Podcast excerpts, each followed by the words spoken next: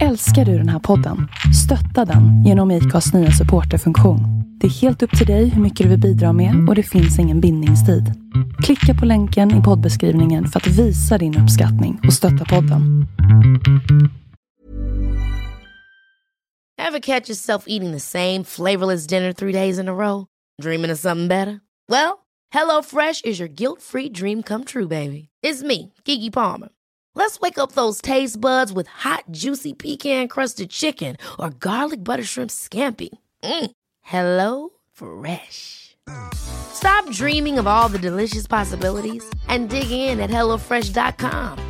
Let's get this dinner party started.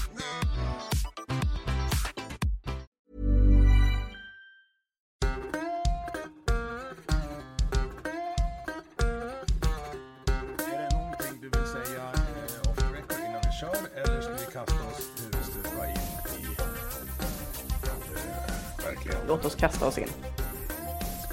Då gör vi så och då ropar vi från ett snöigt minus 23 Dalarna till Stureplan, Stockholm. Ja, och här är bara minus 10. Ja, men det är väl så kallt som ni klarar av. Nu ska du ska föra fördomarna här. Eh, vi gör så här. Vem har vi med oss på tråden? Hej, Katarina Onils Franke här. Jag säger alltid fel. Jag säger Nils och Franke när jag ska prata om dig. För att jag tycker att det låter mer logiskt. Vad, vad är det för namn? Eh, Onils är ett hälsingenamn. Det är Olofsson Nilsson ihopslaget. Det är många som tror att det är irländskt eller så, men eh, det är alltså från Hälsingland sedan långt, långt tillbaka. Där ligger Onilsgården i Undersvik fortfarande. Spännande. Så, så du har också, ja, som jag då, tagit dig från landet in till stan. Nu är jag tillbaks på landet. Ja, det stämmer bra. Jag är född i Stockholm, men när jag var ett halvår så flyttade mamma och pappa eh, tillbaka till pappas hus i Hälsingland. Och mamma ville ha hästar och ja, leva ett friare liv och de var lite färdiga med Stockholm. Så eh, då blev det uppväxten där och sen, sen ungefär 11-12 år är jag tillbaka i Stockholm för arbete, man och barn här. Jag kan inte låta bli att prata sport. Alltså, när man pratar med någon som är från Hälsingland så är det ju Bollnäs eller Edsbyn, Ja. antar jag. Ja, det skulle vara Bollnäs i så fall eftersom jag har gått skola Ja. och folkhögskola där och så.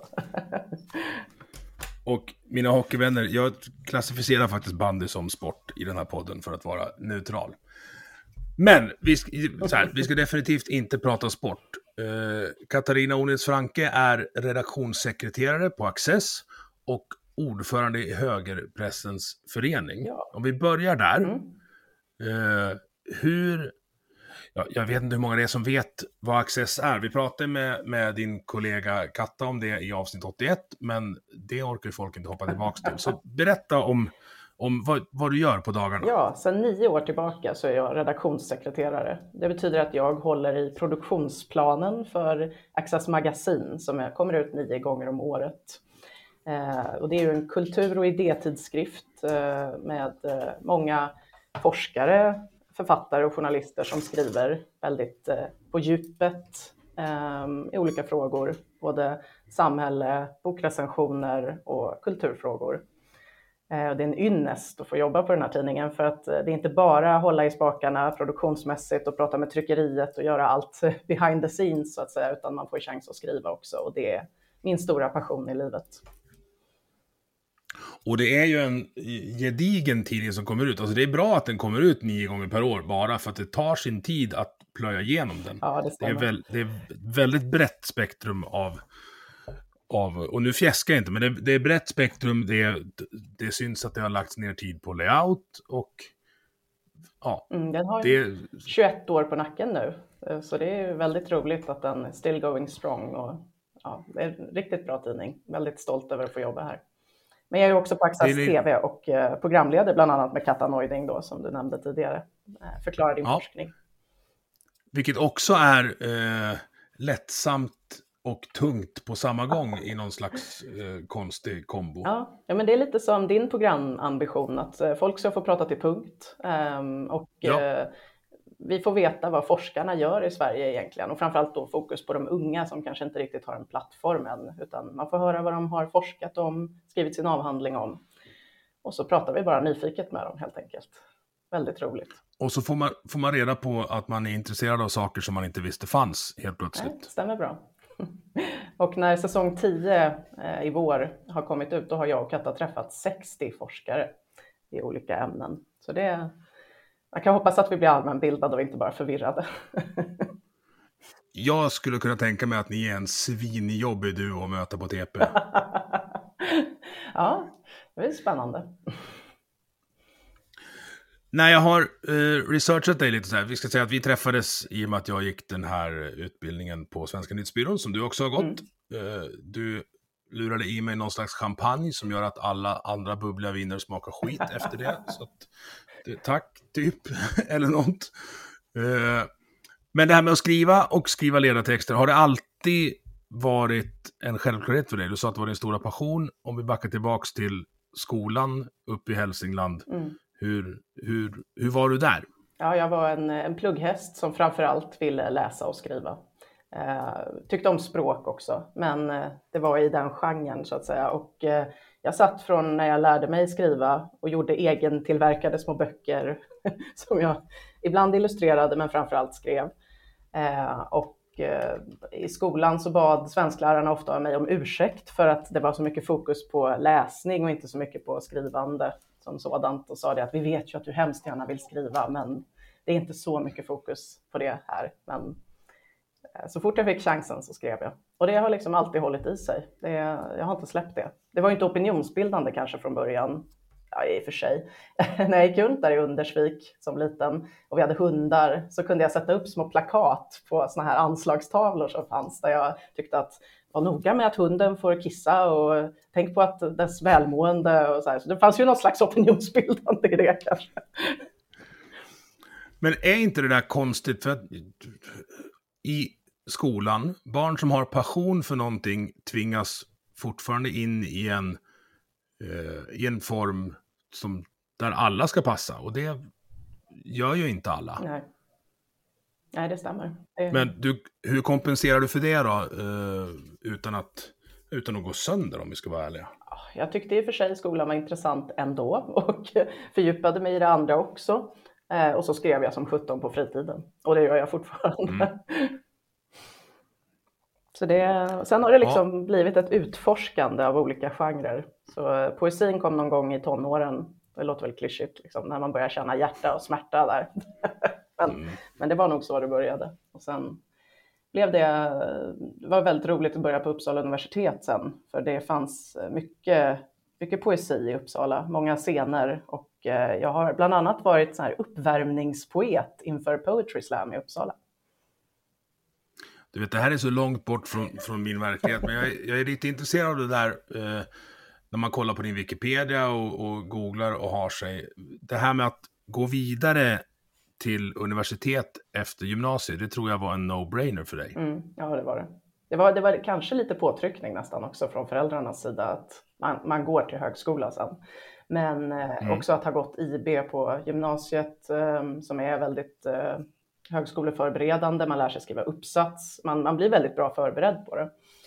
Eh, egentligen kanske för att plugga utomlands också eh, eftersom det är så pass mycket engelska och så. Men det, det kändes bra med Sverige och svenska universitet. Eh, och jag hade en, det började ändå famlande. Det kan låta väldigt självklart nu när eh, att det skulle bli journalistik och författarskap, men eh, pappa tyckte ju inte att det var en bra idé. Han sa det att eh, nej, men vill man lyckas i livet då ska man läsa juridik eller ekonomi.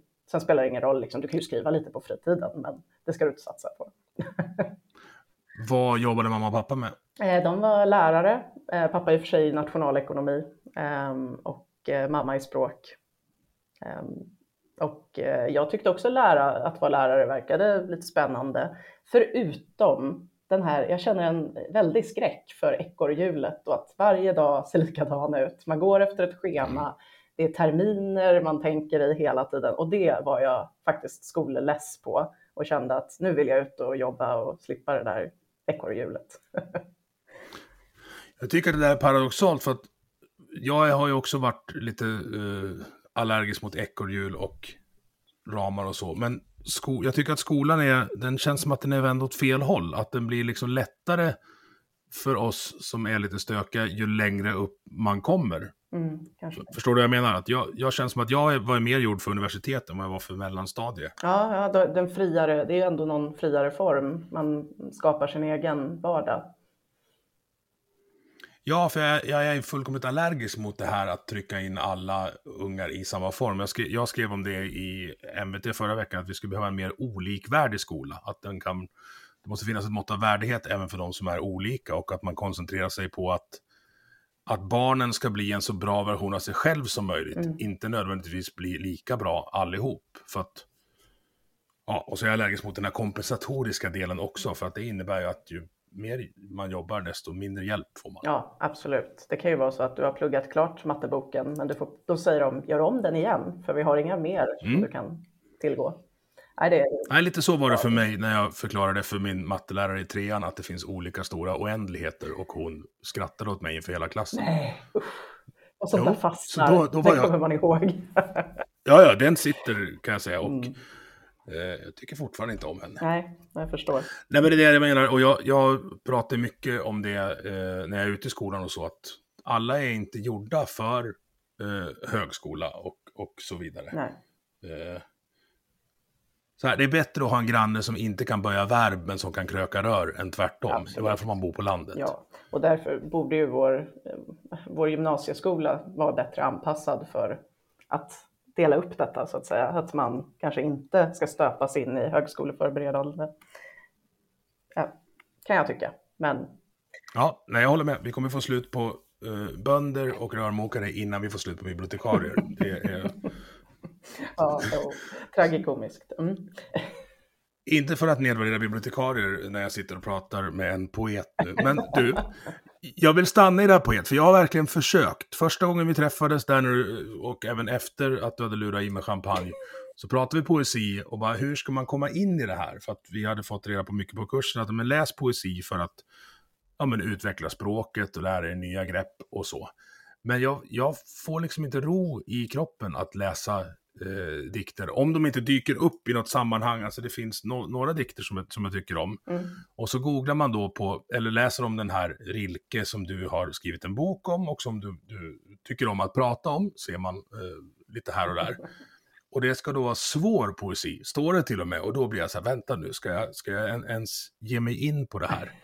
Eh, vad, berätta om Rilke, vad är det som är svårt och varför tycker du så mycket om honom?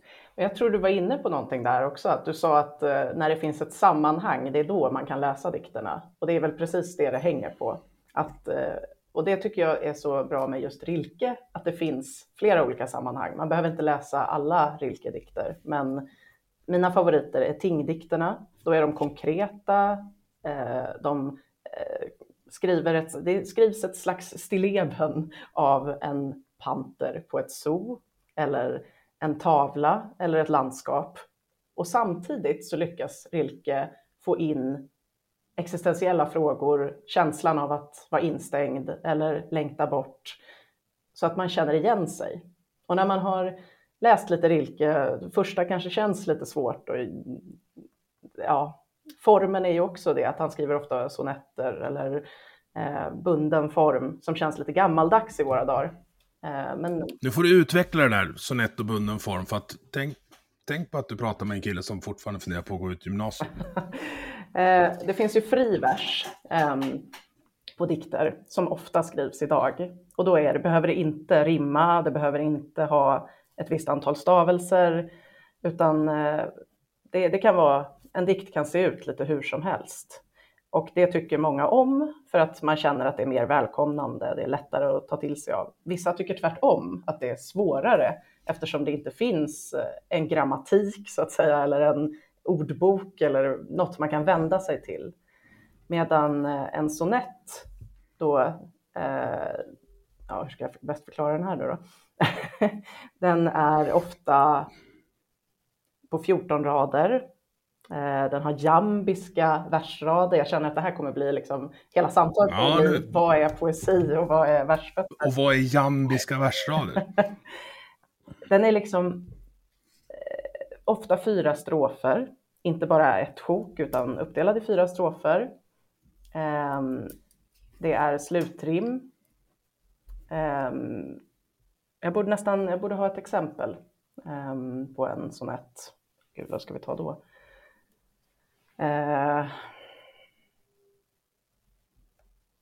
har, du skulle ha förberett mig på det här så hade jag haft med mig ja. i bakfickan. Um, nu har jag inte det och sonetter är ju långa så de är svåra att komma ihåg i huvudet. Annars är ju just eh, den rimmade formen, tycker jag, bidrar till att det är lättare att ta, sig, ta till sig av dikter och lära sig. Och det kommer ju från det här gamla muntliga berättandet av att eh, man eh, förde berättelser vidare, bara inte genom text utan genom tal. Och då var det ju lättare att komma mm. ihåg eh, dikter och... Alltså jag ser på det som att det är lite som uh, musik utan, mm. eller en sång utan musik. Ja, blir det inte... jättebra jämförelse. Du, titta, du är mycket bättre på att förklara än vad jag är som blir åh herregud, hur ska jag lära ut det här ja. ja, men det, alltså det är väl lite så. Saker som är självklara för en själv är väldigt svåra att mm. sätta ord på och förklara. Det, det, var det är som när jag skulle förklara för, för John Norell varför en rad fyra kan ha högre varvtal än en V-twin. Så. Ja, men, men just det här lekandet med språket, det älskar jag med dikter. Det behöver mm. inte vara Rilke, det kan ju vara vem som helst som skriver poesi. Men där, när folk har lyckats få till en rytm som tilltalar en, då, då känner jag att det är bra poesi. Och det lyckas Rilke ofta med. Det finns många andra, men jag skrev ju min kandidatuppsats i tysk språkvetenskap på universitetet om Rilke, just om pa eh, panten, den svarta panten på zooet. Diapanta, eh, mm. som han skrev 1900, vänta nu, gud, är det 13? Oh. Ja, nu minns jag inte exakt. Nej, men om vi, vi stannar där alltså. Han skriver på tyska. Mm. Eh, du har översatt en del va? Ja, och mer kommer som en spoiler här, eller en eh, teaser i vår. Ja. Eh, Hur gör man det då på ett, alltså även om du har skrivit en kandidatuppsats i tysk, var det språkvetenskap? Mm. Du vet, det här är ju science fiction för mig. Eh, så att, att bevara originalrytm mm. och innehåll och tonalitet, det känns som ett väldigt tufft uppdrag. Ja, jag håller med. Det är jättesvårt. Och det, det var väl lite vad kandidatuppsatsen handlade om. Det var också vad eh, jag hade en artikel i Svensk Tidskrift om eh, översättning och tog upp Rilke just och sa det att, som jag också säger i uppsatsen, att är, verkligen, är det möjligt att översätta poesi? Lite så här problematiserande. En översättare mm. säger ju självklart. Eh, det, det är en spännande utmaning och det gäller att bevara både innehåll och form.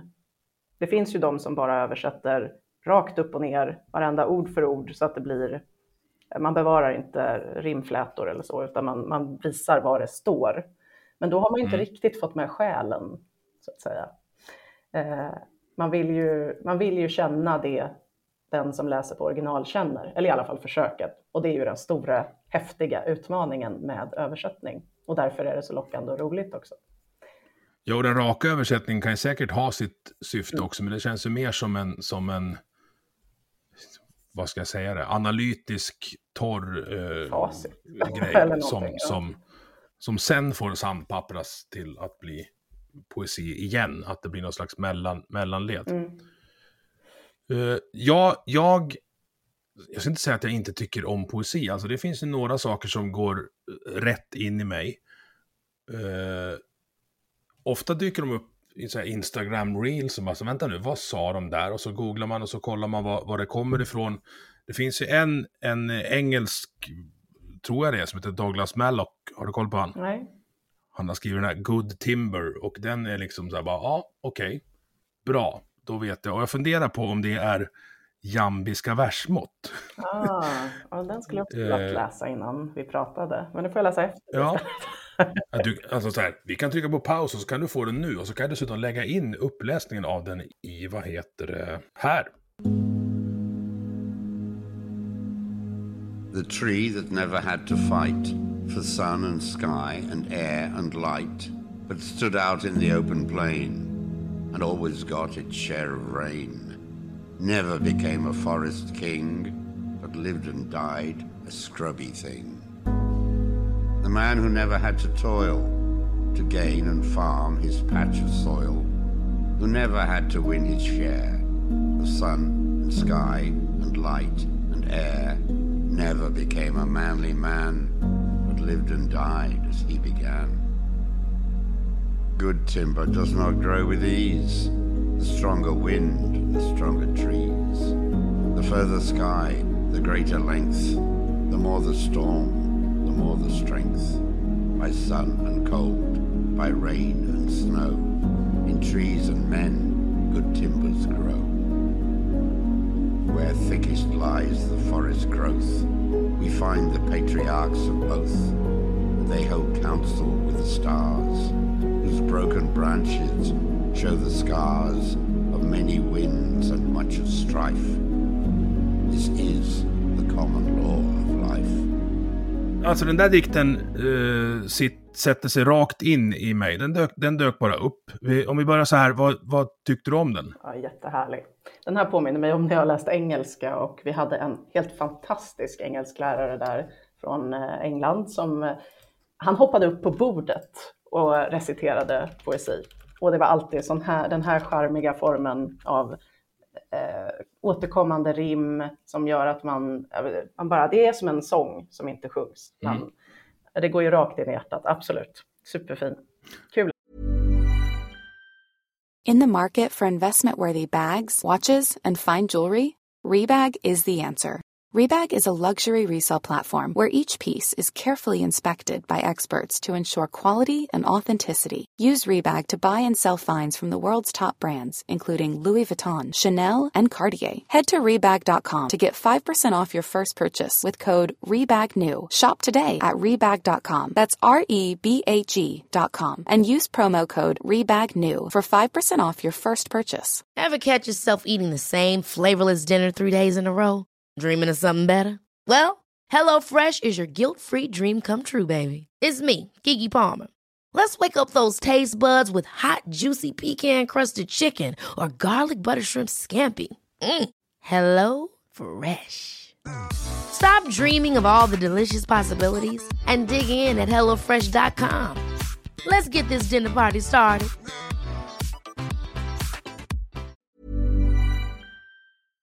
Men då antar jag att det här är någon slags bunden form då, om vi återkopplar det vi pratade om innan. Mm, måste jag göra en diktanalys på den? Nej, men jag, jag, tänker att det, här har vi bestämt att det ska ju rimma överallt. Ja, typ. här är slutrim och det är inrim. Den är, och allitteration jobbar ju engelsmän mycket med också, vilket är gammal svensk mm. vikingagrej också. Här. Det är verkligen, det är många ledarskribenter som har fascination för just eh, allittererade eh, rubriker och så, att man tycker att det och det, det uppfattar ju andra journalister som gammaldags. Så det är en sån här mm. typisk bild av ledarskribenten som gammaldags, jobbar med ordspråk och allitterationer. Sånt älskar jag. Jag erkänner mig skyldig och jag tänker inte backa en meter från det. De får kalla mig gammaldags om de vill. Ja, instämmer här. eh, och det här med att, att vi återkommer till ledarskrivandet, det här med att vränga ord och, och hitta formuleringar mm, för att eh, trumma in ett budskap eller, eller, eller nå någon slags ihågkomningsfaktor. Mm. Eh, jag, jag tycker det är superviktigt. Absolut. Det, det, här är ju precis som dikterna på sätt och vis. Eh, man ska få in budskapet, eh, men det ska vara lite lekande lätt, mm. trots att det kan vara tunga ämnen inom politik och samhälle. Um, och just vi människor tilltalas så mycket av rytm och bra formuleringar. Så det är ju ett, det är ett slags maktmedel i våra texter. Och kan också ramverket göra det lättare? Alltså någon form av regelverk behöver man ju alltid ha.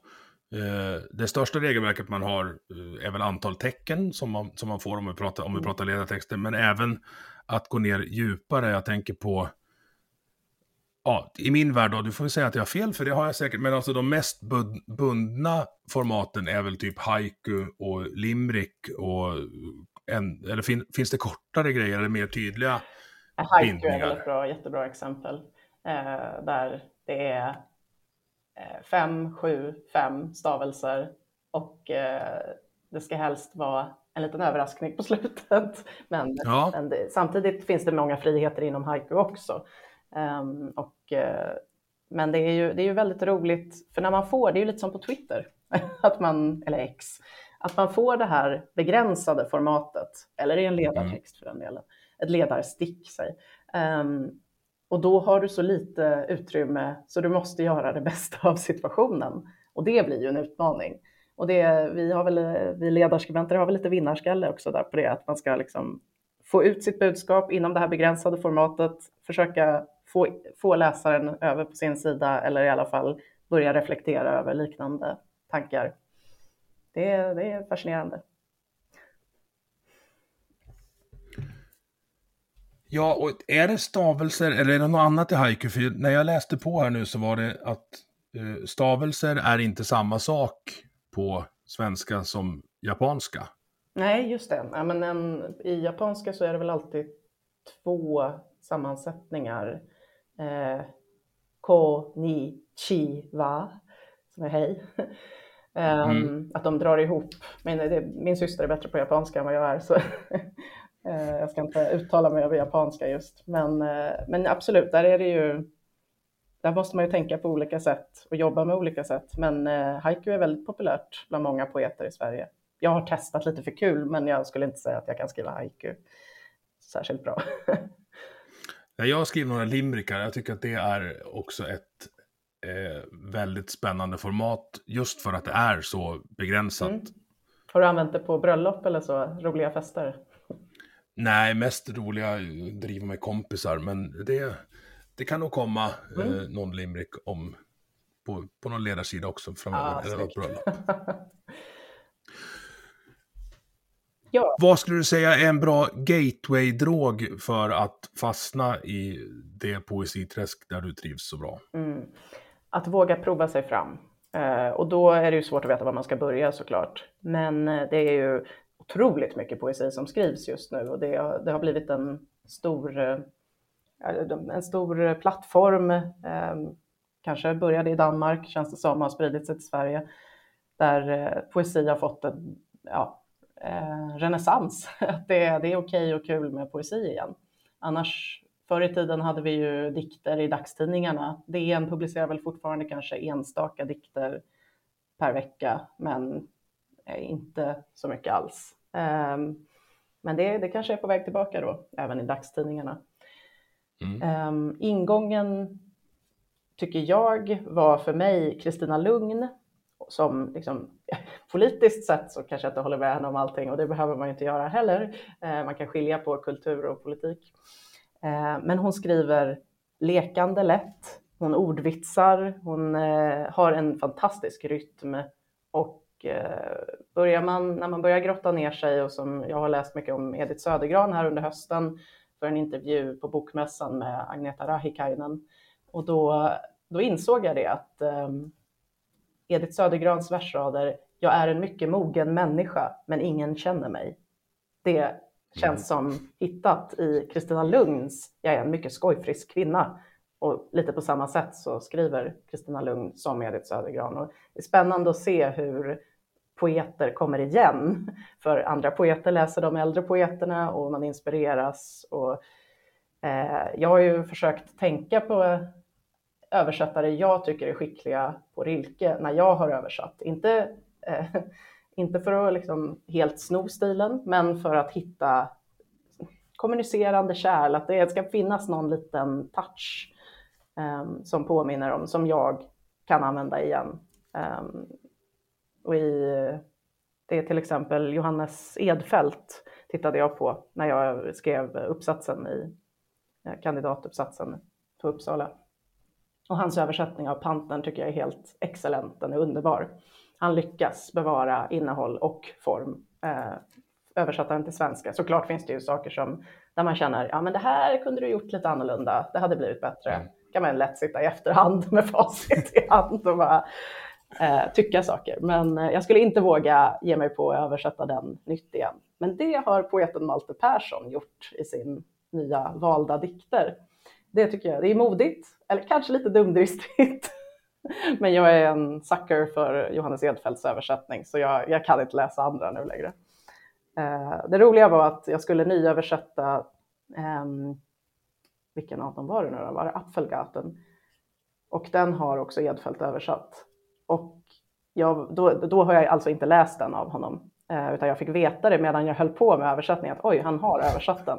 Okej, jag ska absolut inte titta på den, utan jag gör klart min översättning.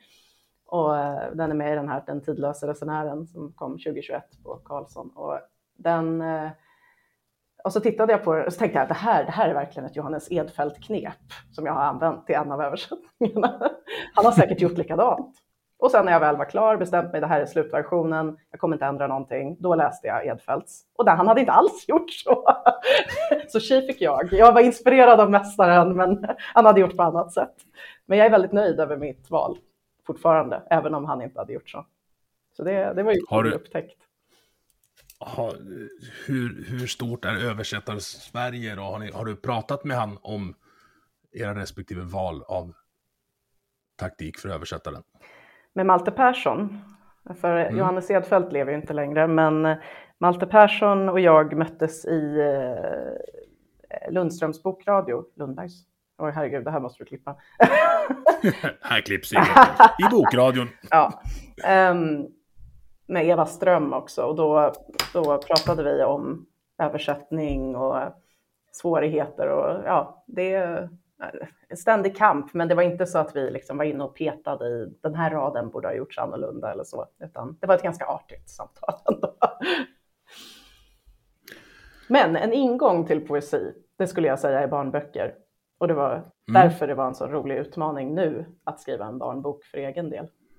Titta, nu fick du in den pluggen Ja. också. Jag har ju med den på listan här. Men du, ja, vi, vi, går till, vi, vi hoppar vidare till ditt eget författarskap. Jag är mest intresserad av, av processen och hur mycket av den här självdisciplinen jag kanske inte är jätteutrustad med som behövs för att få ur sig en bok. Jag tycker det är eh, fascinerande. Hur, hur, hur går din process till och vad är det jobbigaste? Ja, den har ju sett lite olika ut för de olika böckerna.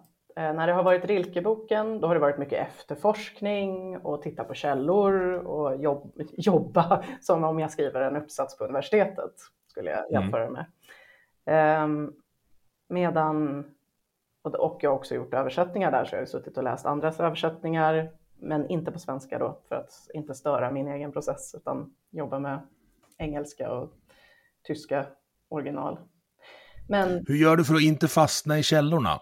För där upplever jag att jag har ett problem när jag ska skriva en ledartext om saker jag inte riktigt har koll på.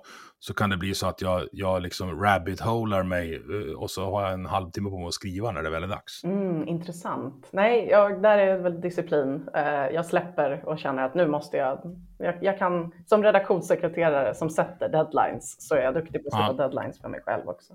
Så du bestämmer, en, du, du liksom bestämmer en tidsperiod du har på dig att läsa in dig och sen måste du börja skriva. Ja, ungefär så. Ja, det ska jag prova. Sen är jag ganska snabb när jag väl skriver. Ehm, första romanen tog ett, knappt ett år. Ehm, och då, men då gick jag också på folkhögskola på skrivarlinjen i Bollnäs. Eh, Och vi träffades bara en dag, i veck- en dag i veckan var det. Och så satt man hemma och skrev i övrigt. Och så jobbade jag lite extra åt Svenska nyhetsbyrån som man gör. Ja, och skrev ledartexter. Ehm, så det var ju ett ständigt skrivande och på det sättet så hann jag ju skriva den på en relativt kort tidsperiod. Ehm, så ett år är relativt kort eh, i det här sammanhanget. ja, för en roman skulle jag säga det. Författ- Det är ändå rätt mycket tid att lägga ner på någonting som man inte vet om det ska bli något. Eller ja, något blir det ju. Mm. Men du, har du ett kontrakt på en bok då eller kör du den på... Nej, på liksom- det var ju den första romanen och dessutom nästan all skönlitteratur måste du ha skrivit färdigt när du kommer till förlaget. Ehm, om du inte är Camilla Läckberg eller någon annan storsäljare, då tror jag att det går ganska enkelt med att bara säga att nu vill jag signa kontrakt med er. Eh, jag har en bokidé och, och då kör de. Men eh, för nästan alla andra, för gemene man, så behöver man ha skrivit klart en roman. Eh, Annat är det med fackböcker. Då skulle jag skriva, säga att du skriver ett första kapitel och så skriver du en plan för hur du vill lägga upp det. Och sen går du och skriver Okej. kontrakt. Hur länge hade du funderat och ruvat på idén till första boken innan du bestämde dig för att nej men det här är, det här är så pass bra och viktigt för mig att nu, nu kör vi? Mm, intressant fråga. Det är svårt att säga. Det är liksom, lever många idéer här inne i mig hela tiden. Och på det sättet kan det ju vara svårt att göra ett urval. Men det är någonting med att det finns alltid en som sticker ut lite mer, som har lite fler trådar som är färdiga och där jag ser ett pussel så att säga som skulle kunna bli klart. Um, och den som har mest potential av de idéerna, det blir den jag liksom sätter mig ner och satsar på. Um, med barnboken som jag skrev senast, eh, uh, 2021 då, och kom nu, Taxen Max, då uh, blev det lite annorlunda. Det var mer, här har jag en idé, uh, jag börjar och jag vill gärna rita själv också, så då liksom måste jag göra processen löpande samtidigt. Jag måste hitta på eh, texten tillsammans med bilderna. Mm. Eh, väldigt kreativt och roligt. och som ett pyssel. Det har mina barn kommenterat också. De har ju också varit, det roliga de har ju varit med under den här processen. Det är ju lättare att se en barnbok som jag tecknar bli till än att uh, sitta bredvid mig när jag sitter vid datorn och skriver en ledarartikel eller en bok för ja. den delen.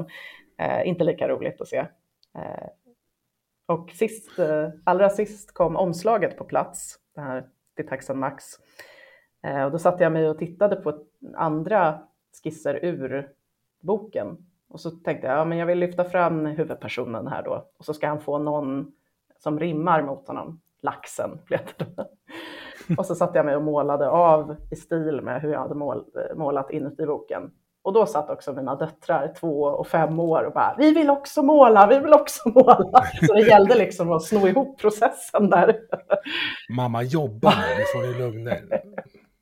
Så det är, det är en intressant eh, arbetsform att försöka jobba då på helger med barnen omkring sig.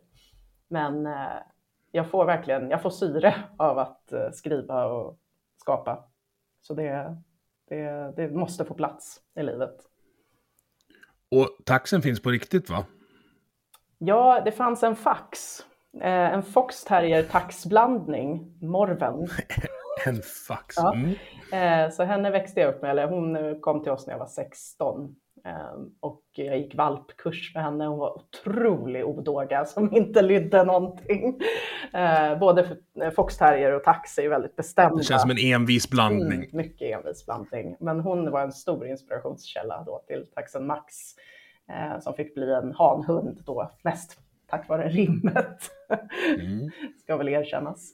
Um... Har du kollat vad Max identifierar sig som? Nej.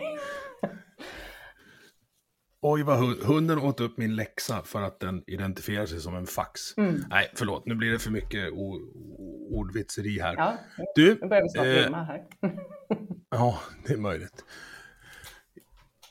Nu har vi pratat en halvtimme om poesi och författarskap. Mm. Och jag läste igår på, på uh, lunchen, klockan kvart över sex, som jag tog igår, uh, om att du när, du när du berättade någonstans någon gång att du höll på med poesi så fick du reaktionen att ja men då måste du vara eh, vänster i politiken. ja. Eh, och sen, sen, läser man att din, din första eh, ledartext var att vi måste folkförankra försvaret och sen har du skrivit om fördelar med kärnkraft och nackdelar med en alltför stor statsapparat. Och detta kan ju svårligen betecknas som någon slags vänsterposition att ta. Nej, precis. Hur mycket sticker du ut bland författar och poesikollegor eh, med ditt jobb? För man kan väl säga att Access är eh, inte vänster i alla fall. Nej, Nej det stämmer väl.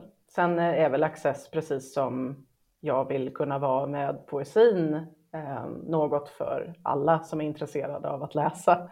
Eh, ja. Och den ska inte ha en sån politisk agenda utan mer fördjupande om böcker, kulturfrågor och samhällsfrågor. Och det är väl där det börjar vara inne på något slags område beroende på vilken skribent vi har. Men eh, det roliga med Access är också att vi har ju skribenter från Flamman och från eh, Folkbladet som inte är höger.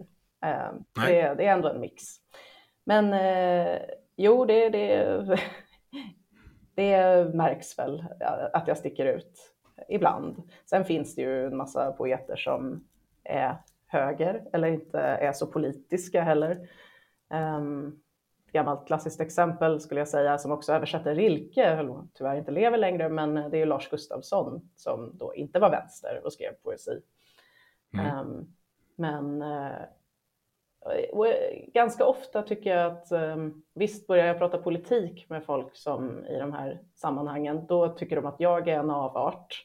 Men uh, man kan sitta där och det är mycket snack om revolution och uh, höga skattesatser och det är okej, okay, för det är på något sätt inte en vänsteråsikt. Utan... Nej, men det är ju det är god, det är goda åsikter. Mm. Då är man ju snäll. Ja, ja, det är lite tråkigt att det ska vara så. Så att eh, ofta i de här sammanhangen så kanske jag väljer att inte prata så mycket politik. Men det är klart det händer. Att, det blir, att man behöver faktiskt säga till att, att det här är inte okej. Nu ska vi prata poesi. Inte... Ja. Men du är ändå ordförande i Högerpressens förening och det vet ju alla om. Så att eh, även om du är udda så är du ju inte hemlig. Nej, och det tycker jag är väldigt skönt det är väl jättebra att då vet folk vad jag, vad jag skriver. Och jag skriver oftast inte politisk poesi, um, men då vet alla vad, vad, som, vad jag tycker där bakom, så att säga. Har det varit självklart för dig att, att liksom luta åt det, eh, vad ska vi, ska vi kalla det, frihetliga hållet eller konservativa? Vad, vad, hur betecknar du dig själv och har det alltid varit så eller har du gjort en resa? Intressant fråga. Det där är ju alltid, nej men jag har jag har väl alltid tyckt åt det här hållet, men inte så, jag har kanske inte varit så kunnig politiskt i mina unga år. Um, att jag har inte kunnat specifikt säga liksom, det här och det här tycker jag om de här sakerna, utan det har väl formats mer under studietiden och in i skribentskolan och med mer skrivande så att säga. Men eh, jag skulle väl kanske beteckna mig som liberal konservativ, någon slags står och ena benet är liberala och andra är konservativa. Um, mm. Och då skulle jag nog säga att jag är liberal i det politiska men konservativ i traditioner och um, ja, uh, värderingar på det sättet. Ungefär så. Ibland när man säger liberal konservativ, vilket jag också kan, kan hamna i något fack, då säger vissa att nej, men det kan man inte vara för det är motsatser. Och då, fast det är det ju inte, utan jag tänker så här att Folk ska få göra i princip vad de vill, eh, men jag tycker att jag kanske inte ska behöva betala för det. Mm, ja, nej, men lite så. Det låter väl bra. Men eh, du, ja. Ja, när, jag, när jag gick skribentskolan då tyckte alla att jag var ganska konservativ. Då pratade jag ofta, ofta om eh, här hur, hur barndomen, redan i barndomen eh, jag blev ilsken över saker som förändrades. Men det är ju, barn är ju ganska konservativa. Man vill inte att skogen huggs ner precis vid intill en, för man har lekt i den här skogen. Eh, skolan ska vara kvar, för där har man gått i skolan. Man har liksom inte the bigger picture heller, så att man vet inte kostnader och andra skäl. Men eh, ja. jag vet eh Ja, men så du, så, det här får jag klippa bort lite grann. Uh, nej, det gör jag inte. Jag klippte inte bort ditt, så då klipper jag inte bort mitt.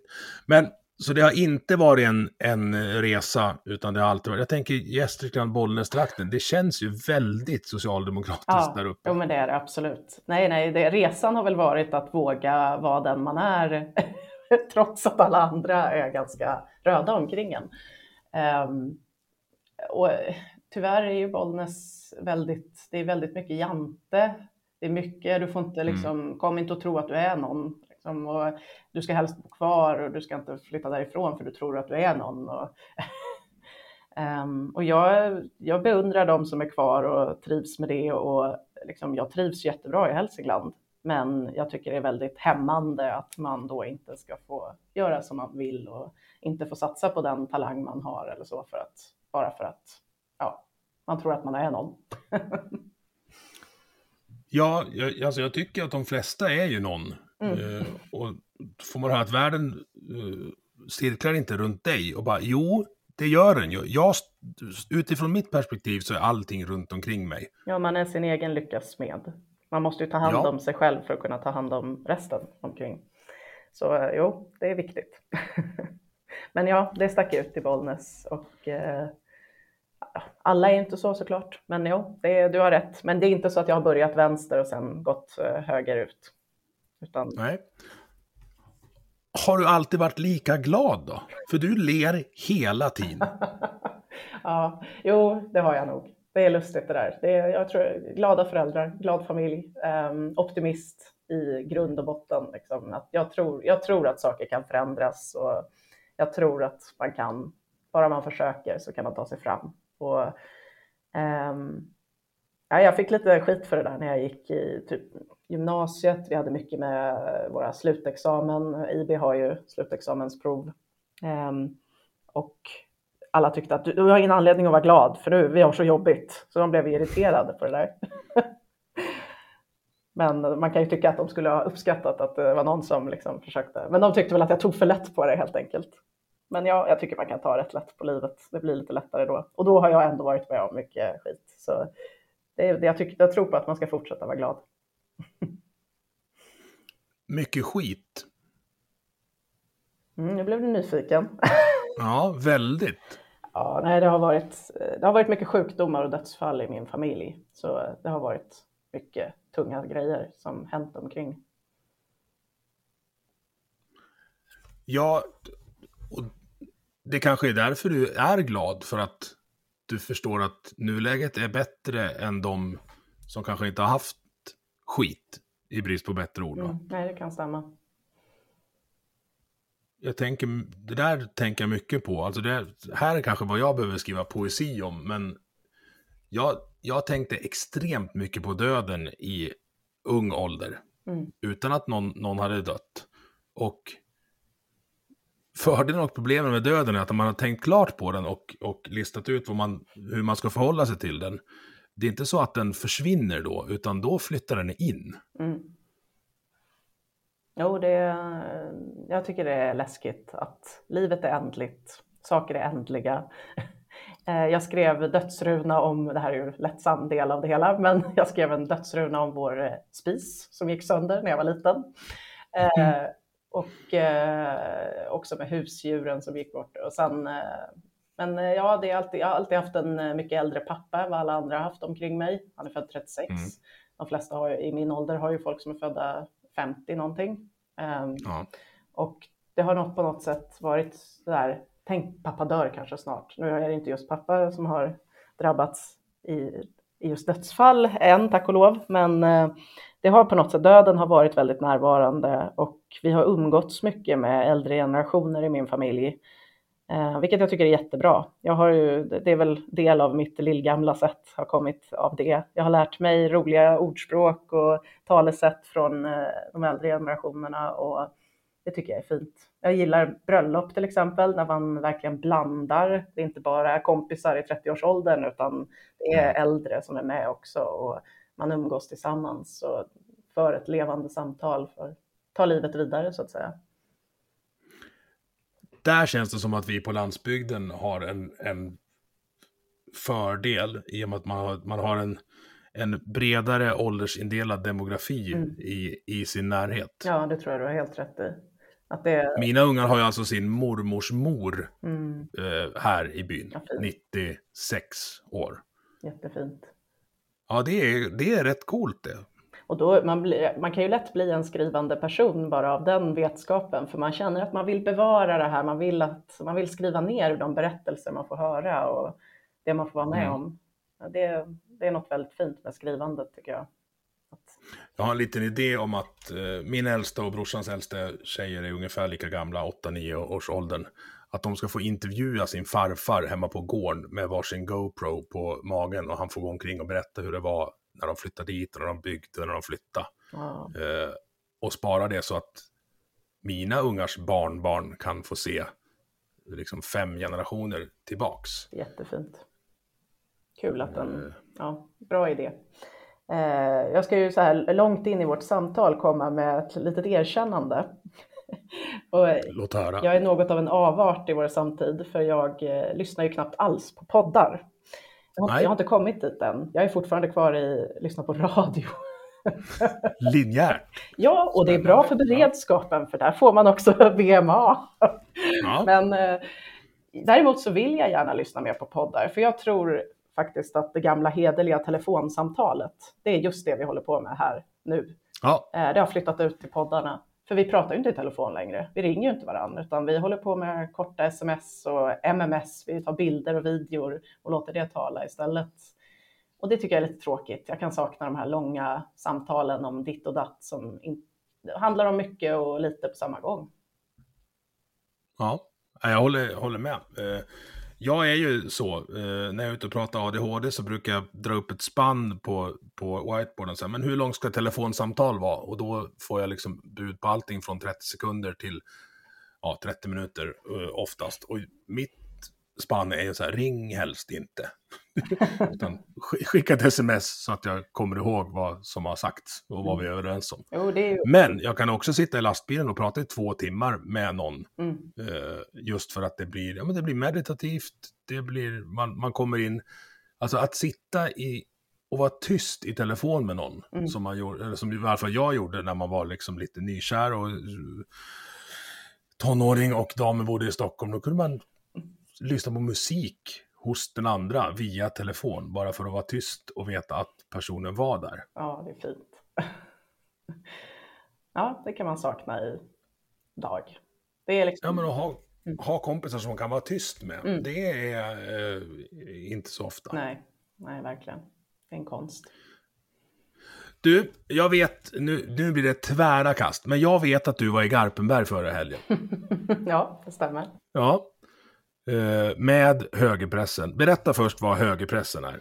Högerpressen är en fin gammal ideell förening från 1909 eh, som eh, samlar ledarskribenter, publicister från moderata ledarsidor, alltså till exempel Svenska Dagbladet, eh, Barometern, Jönköp ja, Jönköpingsposten, eh, Smålandsposten, Svensk tidskrift nere i Malmö, och, eh, fast den är ju digital så den är överallt, men eh, deras redaktion sitter där. Och eh, Norrbottens-Kuriren uppe i norr. Ehm, och det samlar ju då individer, inte tidningar egentligen, men det är ofta knutna då till de här ledarsidorna. Ehm, jag skriver ju krönikor för Norrköpings tidningar, så det är väl min just nu aktiva ledar, en gång i månaden, en ledarkrönika. Mm. Men ehm, ehm, och så ses vi tre gånger om året, varav ett är ett årsmöte. Runt om i Sverige. Eh, årsmötet är oftast i Stockholm, men det behöver inte vara det. Ehm, och så träffas vi på tidningar eller hos politiker, företag för att eh, fortbilda oss, alltså få en chans att lära oss om de verksamheterna. Eh, också nätverka med individer och oss själva och eh, kunna utbyta idéer och få se till att fortsätta skriva bra ledarartiklar. Så det är en eh, fantastisk förening. Så det var när eh, valberedningen ringde 2020 och inför 2020 och frågade om jag ville bli ordförande så var det helt självklart. Det jag tyckte jag verkade roligt. Och det har det varit och är. Men då var Ja, vi, mm, ni var i gruvan. ja, vi var nere i gruvan i Garpenberg. Eh, så häftigt. Verkligen andas historia. Jag har brutit där så länge och lära sig om den vardagen och dra på sig overall och stövlar. Komma ner i verkligheten lite. Det behövs när man sitter på tidningsredaktioner och inte... när man behöver komma ut ibland också. Ja, och det är långt ner. Alltså det är en av de djupare vi har. va? Ja, 1054 var vi på, då är det ju djupare ändå, men eh, är, där nere ligger kontoret i alla fall. Hur känns det? Alltså, eh, nu vet jag inte, var det, var det ditt första gruvbesök? Nej. Alltså det är jag har varit i Los lite- koppargruva, eller inte koppargruva, Los eh, koboltgruva i, eh, ja, i Los. Och Ja. ehm, jag har varit i eh, Falu koppargruva. Eh, jag har varit i eh, Kiruna i våras faktiskt, så det blev två gruvor på ett år, LKABs gruva. Men eh, Det är ju lite overkligt när man tänker på eh, hur långt det är att gå en kilometer och så tänker man att det är rakt ner. Ja, det, det är så fascinerande och skrämmande också kan det ju vara. Man känner marken liksom runt den. Men eh, samtidigt när man åker en hiss ner så där och man står där så är det lite overkligt att förstå att man är. Det skulle ju lika gärna kunna vara ett garage nästan. Mm. Eh, men det är så fascinerande och så, det var så fint att få se dem, eh, hur de jobbar med obemannade eh, lastbilar för att plocka ut eh, det de spränger loss. för att inte liksom äventyra säkerheten för människor då, så sitter man som ett tv-spel och plockar ut grejer där. Det är spännande där, för om, om vi ska prata politik igen, så jag, jag har också varit nere i Garpenberg nämligen. Eh, då, undrar om det var det som fick mig att, att bli liksom intresserad av kärnkraft. De får ju upp eh, biprodukter. Mm. Till, alltså huvud, huvuddelen är zink, eller hur? Mm. Eller har jag fel då? Um... Live-googlar vi. Gör det. En viktig del jo. av det i alla fall. Ja, mm. okej, okay, huvuddelen. Världens mest produktiva underjordsgruva för zinkbrytning mm. ligger i Garpenberg. Ja, och det här är och då fick jag, ja, förlåt, fortsätt. Då fick jag reda på att det de får upp av misstag eller som, som biprodukter i form av koppar, guld och silver mm. i princip finansierar hela verksamheten. Mm. Så att de separerar det och så zinken är gratis. Men det som stör mig är att de får upp lite uran också, som mm. vi inte får bryta i Sverige. Nej. Så att istället för att använda den eh, till den kärnkraften vi fortfarande har kvar, så blir den ett eh, farligt avfall som det kostar jättemycket pengar att göra sig av med. Och sen köper vi uran från Putin istället. Mm. Vad bra jobbat! Ja, det är jättetokigt. Men det är ju, det är ju samma med att vi, vi har ju sånt växande behov av de här metallerna eftersom vi ska ha så mycket batterier och jobba mer grönt. Så mm. eh, istället för att låta Sverige bryta mer så plockar vi ju in utifrån andra länder och då är det ofta koldrift som fått upp det här Eh, och smutsigare grejer och dessutom transport och så. Så att, eh, det är ju tragiskt att, att vi inte värnar eh, den här, de här resurserna som både Sverige och Finland har mer utan det blir trubbiga miljöregler som kommer i vägen. Hur kan det ha blivit en höger-vänster-konflikt rörande miljön där när utsläpp och föroreningar är globala problem och vi har möjlighet att, att bryta de här sällsynta jordartsmineralerna på ett miljöeffektivt och arbetsmiljömässigt bra sätt i Sverige. Men det säger man nej och istället så får här, typ barnarbete i Kongo i värsta fall göra det åt oss. Mm. Jag förstår inte det, eh, den vad ska vi säga, geografiskt begränsade godhetssignaleringen som bedrivs från framförallt Miljöpartiet. Det är, det är så ologiskt för mig och jag försöker verkligen förstå. Nej, jag håller med. Det är, det är märkligt, för det här är ju någonting som verkligen borde vara blocköverskridande. Jag tänker, ja. Eh, ett, en bra trygghetsförsäkring i försvar borde vara blocköverskridande och kanske närmar sig det nu, verkar det nästan som. Men, eh, men också våra gruvor och miljön kring det. Ehm, att man stirrar på att, och EU säger att så här borde det vara för alla nationer, men alla nationer är inte gruvnationer heller.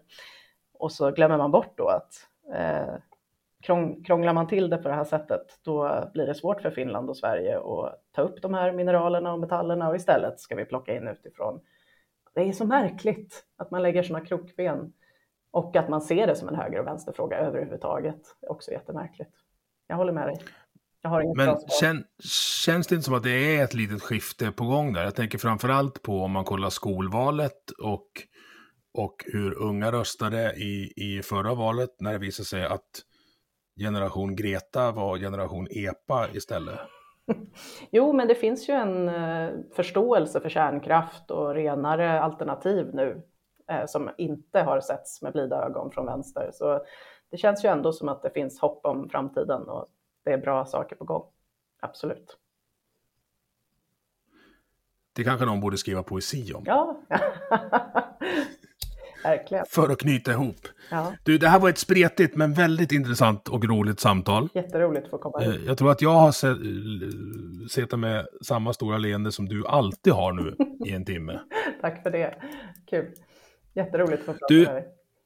Vart hittar man dig om man vill följa mer och eh, läsa dina böcker, din poesi, dina ledartexter och din tv-produktion?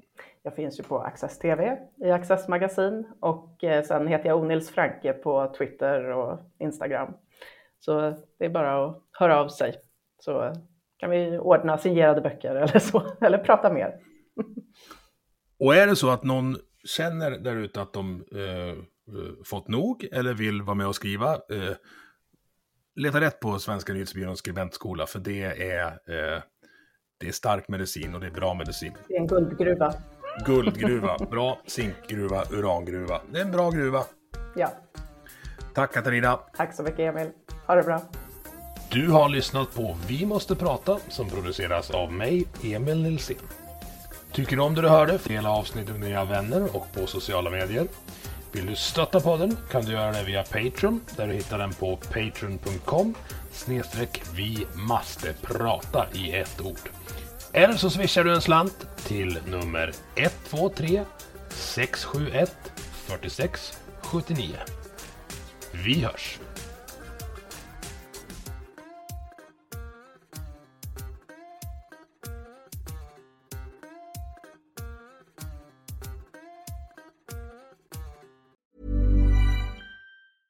Even when we're on a budget, we still deserve nice things.